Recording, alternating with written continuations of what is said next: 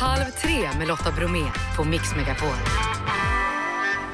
Dags för mig nu att säga hej och välkommen till Jeanette Höglund. Hej, tack! Även känd som tunnelbanenettan, ordningsvakt, realitystjärna och författare i studion. Varmt välkommen! tack, det kändes häftigt att höra det, författare. ja, jag tänkte just fråga, hur kändes det? ja, alltså det var inte riktigt planerat i mitt liv, men det känns stort. Det var någonting nytt. Mm. Tunnelbanan kan jag, men skriva böcker, ja, det, jag fick coaching som tur var. Mer än bara tunnelbanenettan heter alltså boken som du har releaseparty för ikväll. Då, då. Och om, om man läser den här boken och om man tar reda på lite om dig så vet man att det finns egentligen två stora händelser som påverkat dig väldigt mycket. Och den första är en väldigt jobbig händelse. Mm. Det gjorde att du ville bli ordningsvakt. Berätta. Eh, ja, jag åkte tunnelbana i Stockholm första gången och skulle åka med min kompis Lisa. Vi skulle till stan och in i en fullsatt tunnelbanevagn med massa lördagsfirande människor, eh, fullt ös och vi går och sätter oss i hörnet i vagnen. Det var typ det enda som var ledigt och så kommer det in fyra killar, eh, övre tonåren antar jag då, eh, och går och ställer sig precis framför mig och Lisa. Eh, och så börjar de snacka och blir väldigt otrevliga och snuskiga och vi skulle minsann dra med mig på fest och hon skulle våldtas, typ, det var det, hon ska få snopp och så här. Det var vidrigt och jag var liksom rädd. Jag bara, nej lägg av liksom. Och då tar han fram sitt könsorgan. I vet, tunnelbanevagnen? I vagnen och liksom, det är så tajt, det är så mycket folk där. Och du vet, folk gör ingenting och där sitter jag, men stoppa in den där säger jag liksom, usch, alltså jag varit liksom, vad, vad läskigt det var. Och Lisa var lika paff. Men sen så bara gör de någon signal mot varandra så att det fanns ju sån här stång i mitten förut på tågvagnarna. Så de bara drar ut mig mitt i liksom på nästa station och bara sliter tag i mig alla fyra killar och jag får tag i den här stången och bara kämpar för mitt liv. Och Lisa springer efter men ingen gör någonting, ingen reser sig upp, ingen liksom, de tittar men gör ingenting. Och så får de ut mig på perrongen och av med byxorna nästan hela vägen. Eh, och Lisa står och skriker och håller i dörrarna för att då kan de inte köra när tåget liksom är dörren öppen. Och där kämpar jag för mitt liv och hon skriker och folk sitter och tittar ut bara. Och jag hann inte tänka mer än bara att nu är det kört, alltså jag kommer bli våldtagen här på perrongen. Men jag får in en spark på den ena killen så han tappar greppet och på något sätt så blir de skrämda av någonting så springer de iväg. Så jag springer in i vagnen och får upp trosorna och byxorna och bara sitter där helt chockad och folk bara som om det inte vore någonting. Och det där har följt mig liksom. Jag förstår det. Mm. Det skulle inte förvåna mig om någon hade tagit upp en telefon och börjat filma istället för att ja, göra något. Så ser det ut idag i alla fall. Ja. Och då bestämmer du dig för att nu lär jag mig självförsvar. Ja, jag kände bara att det här, så här får det inte vara, man måste liksom hjälpa till. Och jag säger inte att man måste slänga sig in och slåss, liksom, utan man kan väl skrika till eller ringa till polisen, göra någonting att, så man kan liksom få hjälp. Men jag bestämde mig att jag ska inte bli någon sån här som bara inte kan någonting och försvarslös, utan jag bestämde att jag ska känna självförsvar och jag ska inte vara någon som tittar på bara. Jag vill hjälpa liksom.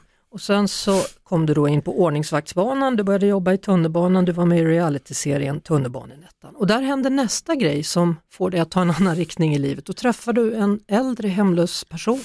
Ja, alltså vi patrullerar ju väldigt mycket i tunnelbanan och jag gillar ju att prata med alla för jag känner att vi har ett 12 timmars pass och jag har ingen bråttom utan jag tycker om att sätta mig både med missbrukare och alltså alla, jag tycker om alla människor. Så att, men så gick vi ner på blåa linjen och det var tyst och det var sent på natten och så hörde jag att en person stod och grävde i papperskorgen.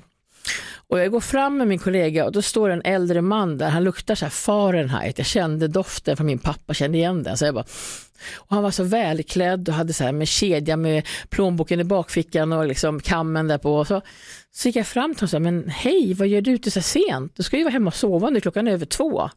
Tittade på mig som att, men jag har inget hem. Jag bara, va? Nej, jag sover i hissar och på bussar och, och då berättade han för mig att han hade förlorat sin fru för några år sedan och då, då bara svartnade allting. Han orkade inte liksom göra någonting. Det är liksom hans livskamrat i alla, alla år och att sitta i en stor lägenhet liksom och räkningarna kom, han orkade inte ens öppna kuverten. Han hade inte ens pengar till det för att han, hennes pension försvann ju efter ett år och så vill han inte be om hjälp för han tycker att det är skamligt när man är gammal, man ska liksom försörja och så att han fick lämna. Alltså det är så sorgligt så att nu Man Ja. ja. böla. Ja, nej men båda de här berättelserna Ja. är ju liksom, du bestämmer i alla fall än en gång då, för Mm. att jag kan inte bara stå och se på och numera så jobbar du heltid i en Mm. organisation som du var med och startade då som heter Vid din sida. Ja.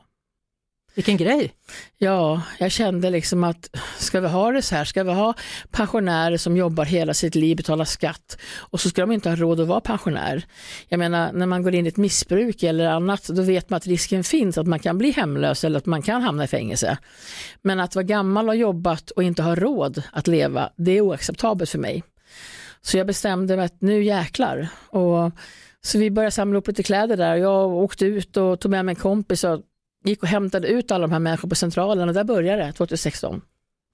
Så den som lyssnar nu tänker, hur kan jag hjälpa till? Och den som lyssnar och struntar i att tänka, jag kan väl ändå inte göra någon skillnad. Vad vill du säga? Alla kan göra något. Det räcker faktiskt ibland att man bara stannar upp och bara, om man ser någon människa, en äldre, sitta på sin rullator eller sitter och sover, nickar med huvudet, bara lägger handen på axeln och bara fråga, hej hur är det, hur mår du, kan jag köpa en kopp kaffe? Att bli sedd idag är väldigt viktigt för att många människor är ganska osynliga. Och jag tycker att vårt samhälle är så hårt idag så att man måste stanna upp och man ska inte vara rädd och fråga om man kan göra någonting eller bara säga hej. Det kan alla göra. Det kan alla göra. Mm. Stort tack Jeanette! Tack själv. Vi hörs såklart på Mix Megapol varje eftermiddag vid halv tre. Ett poddtips från Podplay. I podden Något Kaiko garanterar östgötarna Brutti och jag, Davva, dig en stor dos skratt. Där följer jag pladask för köttätandet igen. Man är lite som en jävla vampyr. Man har fått lite blodsmak och då måste man ha mer. Udda spaningar, fängslande anekdoter och en och annan arg rant. Jag måste ha mitt kaffe på morgonen för annars är jag ingen trevlig människa. Då är du ingen trevlig människa, punkt. Något Kaiko, hör du på Podplay. Därför arkadeinerna.